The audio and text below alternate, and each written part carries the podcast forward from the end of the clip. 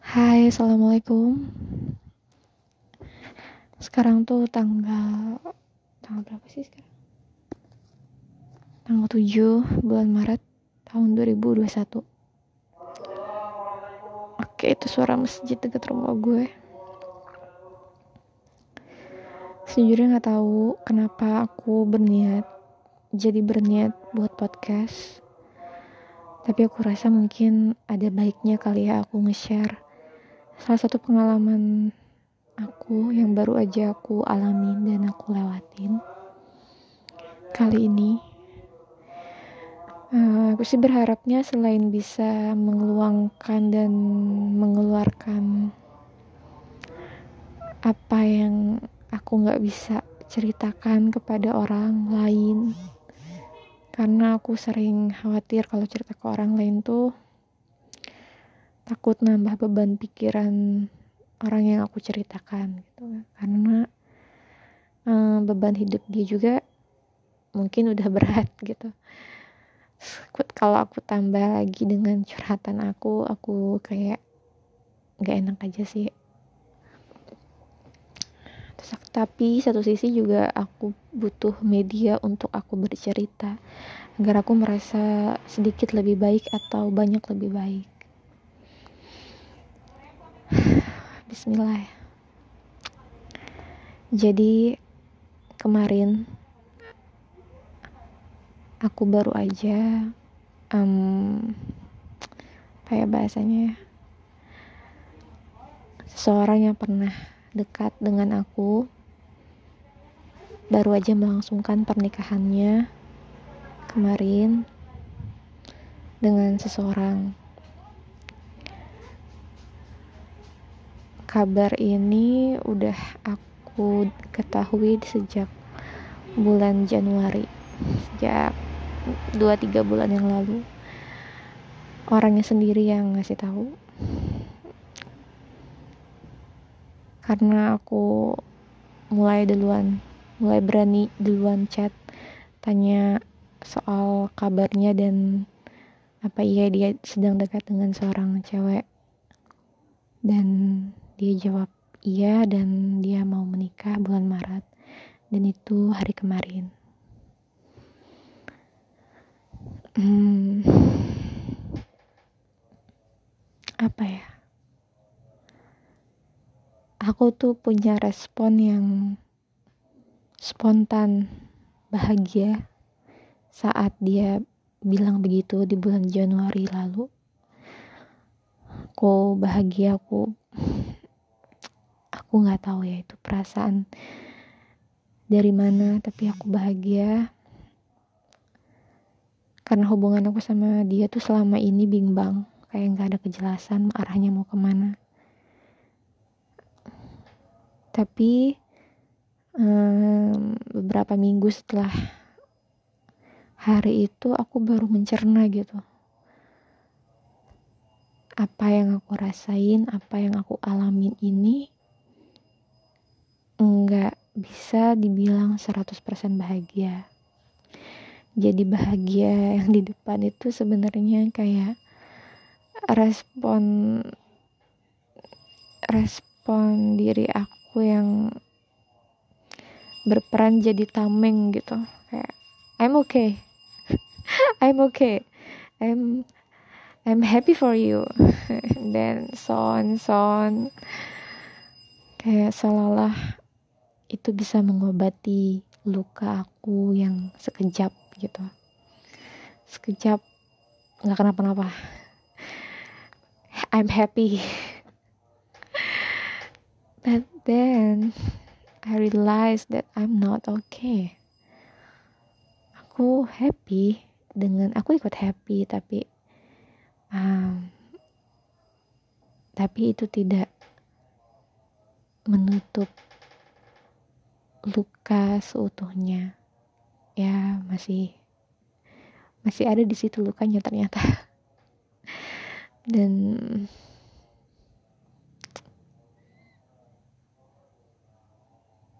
banyak hal yang aku baru sadarin karena perubahan seseorang yang begitu drastis, perubahan pikiran dan perubahan arah hati lebih condong ke mana. Ya orang tuh bisa berubah. Orang tuh bisa berubah pikiran orang bisa berubah hatinya orang bisa mencintai kamu hari ini besok tidak lagi mencintai kamu orang bisa sayang sama kamu hari ini besok sayangnya sama orang lain. Orang bisa hanya melihat kamu hari ini, tapi orang juga bisa berpindah ke lain hati besoknya. Tapi aku rasa semua ini juga gak lepas dari kuasanya Tuhan. Apa yang udah diputuskan oleh dia apa yang udah dipilih sama dia yang menjadi jalan dia itu juga nggak lepas dari arahannya Tuhan. Itu aku harus bisa terima. Dan kadang kalau aku berpikir ke situ aku jadi ke trigger untuk merasa I'm not good enough to be chosen. Tapi kata teman aku aku nggak boleh mikir kayak gitu. Susah sih kalau ada di posisi aku kayak sekarang untuk untuk tidak merasa kecil. Itu nanti bisa kita bahas di next episode ya tentang apa sih yang dirasain saat lagi di posisi kayak gini sekarang. Banyak sih banyak banget pelajaran dan ternyata setelah hari kemarin terlewati aku bangun tidur pagi ini dan okay, life must go on. Dia udah jadi masa lalu. Dia udah jadi seseorang yang tidak lagi saya kenal. Tidak maksudnya nggak jadi orang yang asing juga cuman as a personal um, aku nggak terlalu kenal dia lagi gitu. nggak seperti saat aku masih dekat gitu. Total seperti orang lain lah.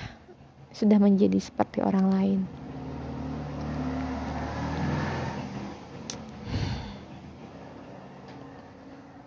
aneh tapi bersyukur karena aku masih bisa lewatin hari demi hari.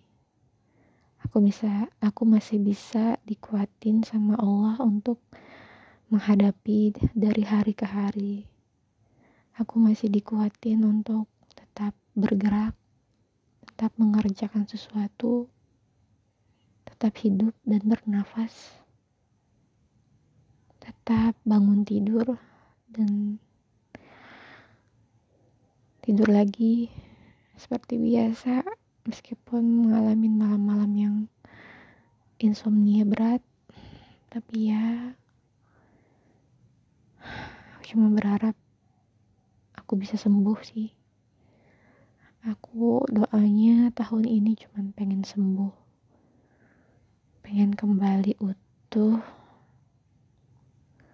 pengen kembali percaya sama baiknya takdir Tuhan sama baiknya rencana Tuhan sama baiknya Tuhan untuk kelangsungan hidup aku. Itu dulu kali ya yang ingin aku sampaikan sekarang. Kalau ada yang dengerin mungkin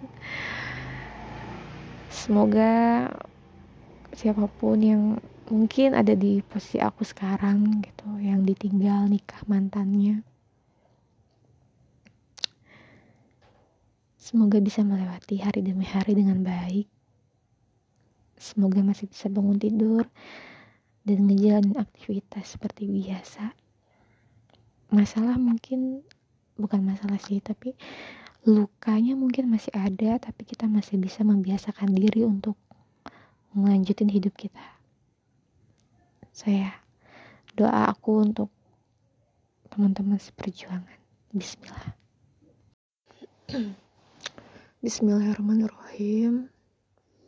Hai masih dengan tema yang sama. Sekarang udah jam 3 lewat 10 baru aja selesai ngisi workshop sebenarnya badan tuh capek tapi nggak tahu nggak bisa tidur. Nggak tahu ya gue kadang sering banget nih kayak gini. Saat badan capek malah nggak bisa tidur. Kayak pikirannya masih aja terus jalan.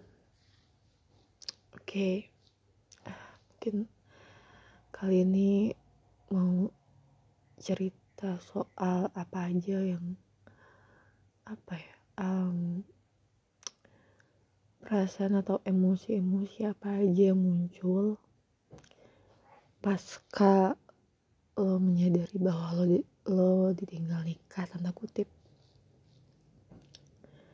Bukan bermaksud mendramatisir sih tapi memang harus gue akuin bahwa apa ya? Iya gue juga sebenarnya sambil belajar mengenal diri gue sendiri kejadian-kejadian ini. Awalnya pertahanan diri udah pasti. Mencoba untuk bahagia mencoba untuk fine fine aja. Coba untuk always to say nggak apa-apa and always to say I'm okay I'm happy ya nggak apa-apa but then I realized that not okay. Hmm,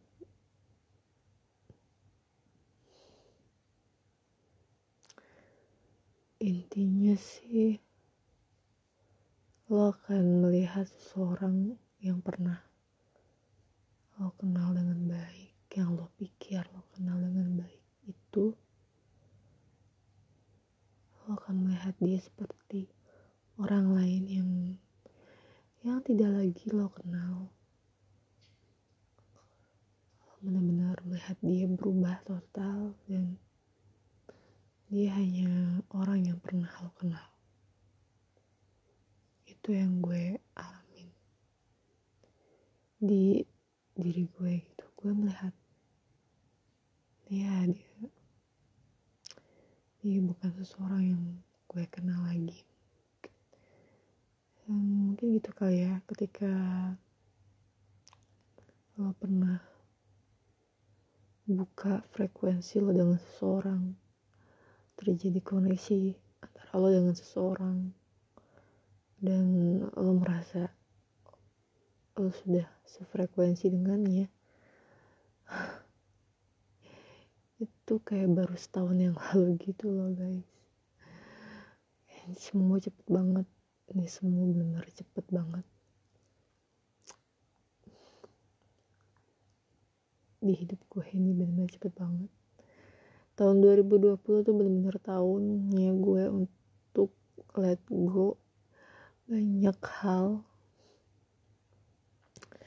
Nantilah kita bahas kembali ke soal emosi-emosi apa aja yang gue rasain setelah itu.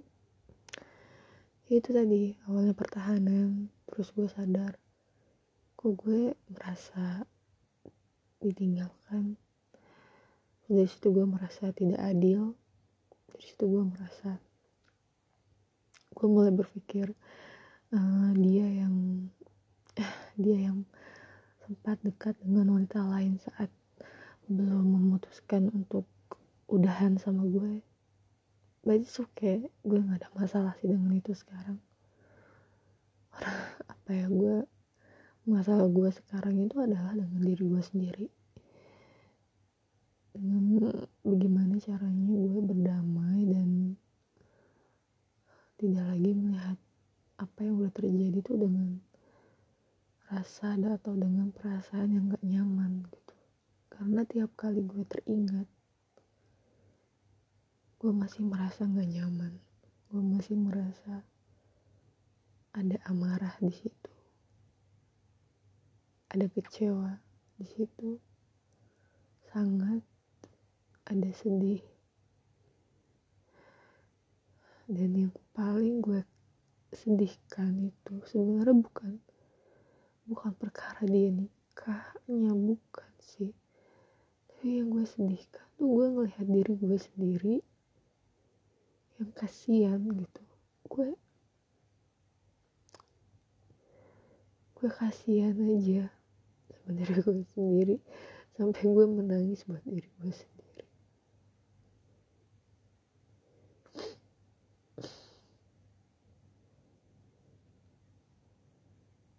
Gue tuh paham apa yang diri gue mau dan tapi gue juga paham apa yang dia apa yang dia dapatkan sekarang itu apa dan gimana rasanya tuh kayak pengen pupukin diri sendiri tuh gak sih hmm.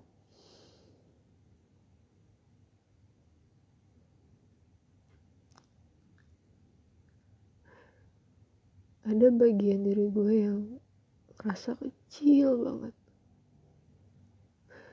Kerasa benar kecil dan ya kayaknya itu efek dari uh, kalau lo ditinggalkan oleh seorang kalau lo lagi sedang patah hati sangat wajar kalau lo merasa kecil. Sangat wajar karena lo merasa penolakan kan lo merasa lo merasa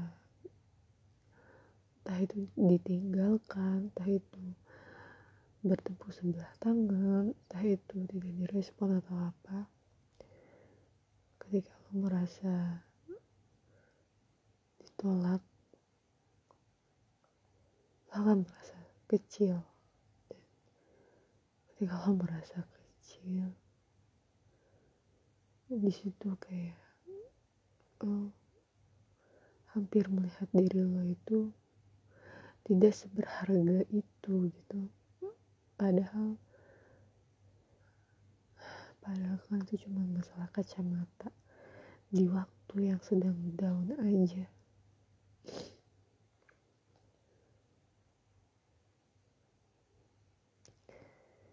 Ya itu rasa yang gue ngerasa kecil.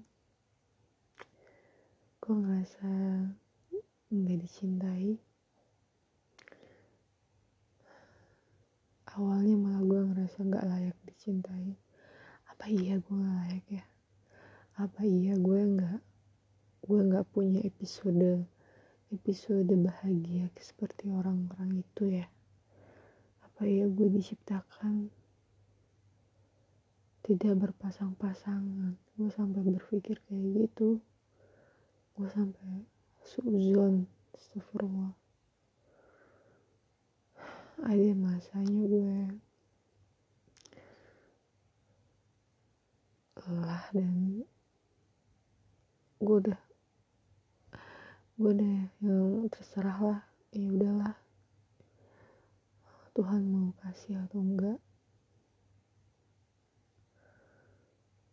gue cuma minta dikuatkan terus dengan apa pun yang akan datang sedang terjadi.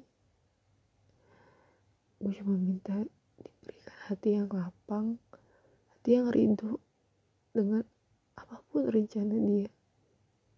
Gue cuma minta itu. Dan gue cuma minta disembuhkan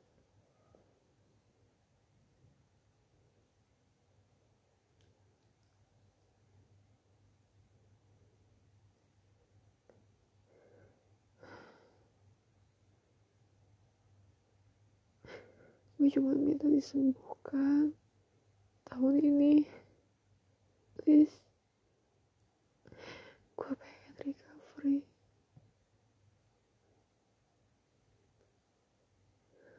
Gue gak mau sakit hati terus.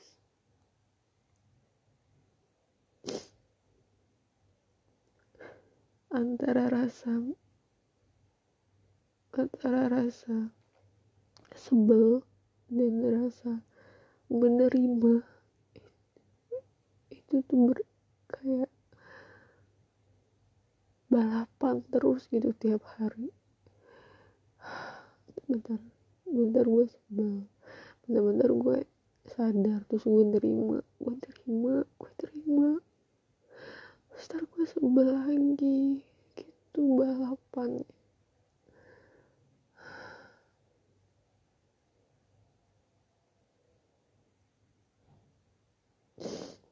banyak hal di luar dari masalah yang lagi gue alamin sekarang yang lebih patut gue syukurin gitu. Tapi hanya karena gue ngerasa gue sakit hati gue jadi nggak bisa lihat itu dengan rasa syukur. Jadi gue pengen banget bisa sembuh dari sakit hati gue ini supaya gue bisa melihat hal-hal itu lebih bermakna itu lebih punya nilai. Lebih bisa menyerap rasa syukur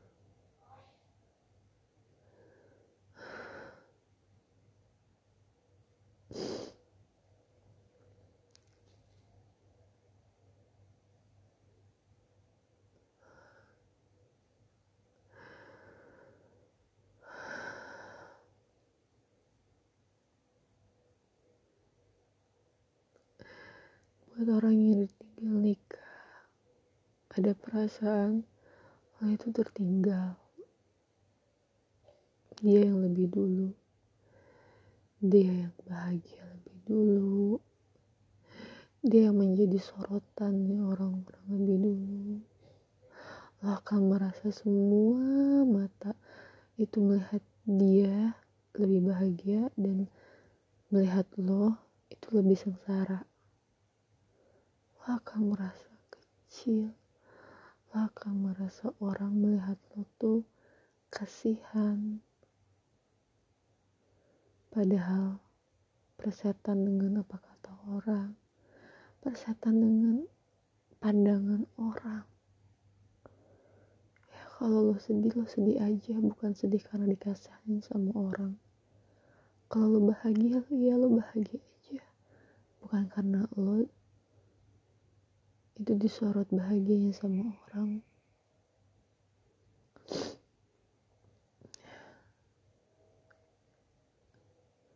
Tapi memang akan awalnya dan memang butuh waktu ya untuk untuk merasa Tuhan adil dan Tuhan tuh memang selalu adil kok kitanya aja yang nggak bisa lihat kadang-kadang. Tapi kalau misalnya orang yang ditinggal nikah yang baru jadi tinggal nikah menurut gue juga wajar kalau misalnya merasa ah lo merasa hidup ini tidak seadil itu tidak seberpihak itu. Tapi akal gue yang tersisa ini selalu bilang bahwa enggak enggak enggak gitu konsepnya. Tuhan tuh pasti adil kok. Tuhan tuh maha adil. Kalau Tuhan gak adil terus di mana lagi kita cari keadilan? Tuhan tuh pasti adil. Cuman lo belum tahu aja. Cuman lo cuman lo masih bego aja lo belum tahu rencananya apa. Lo nggak usah underestimate dulu sama rencana Tuhan udah.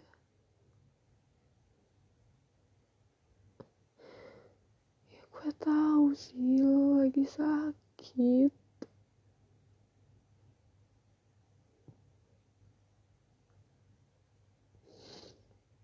Tapi Tuhan tuh pasti adil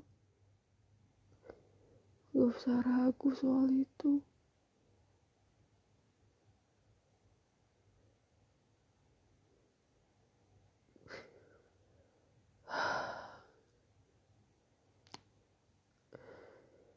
Kayaknya udah dulu ya.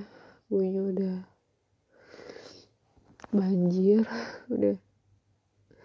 Gue tuh gak bisa ya. Gak sensitif kalau udah soal um, hubungan gue sama Tuhan.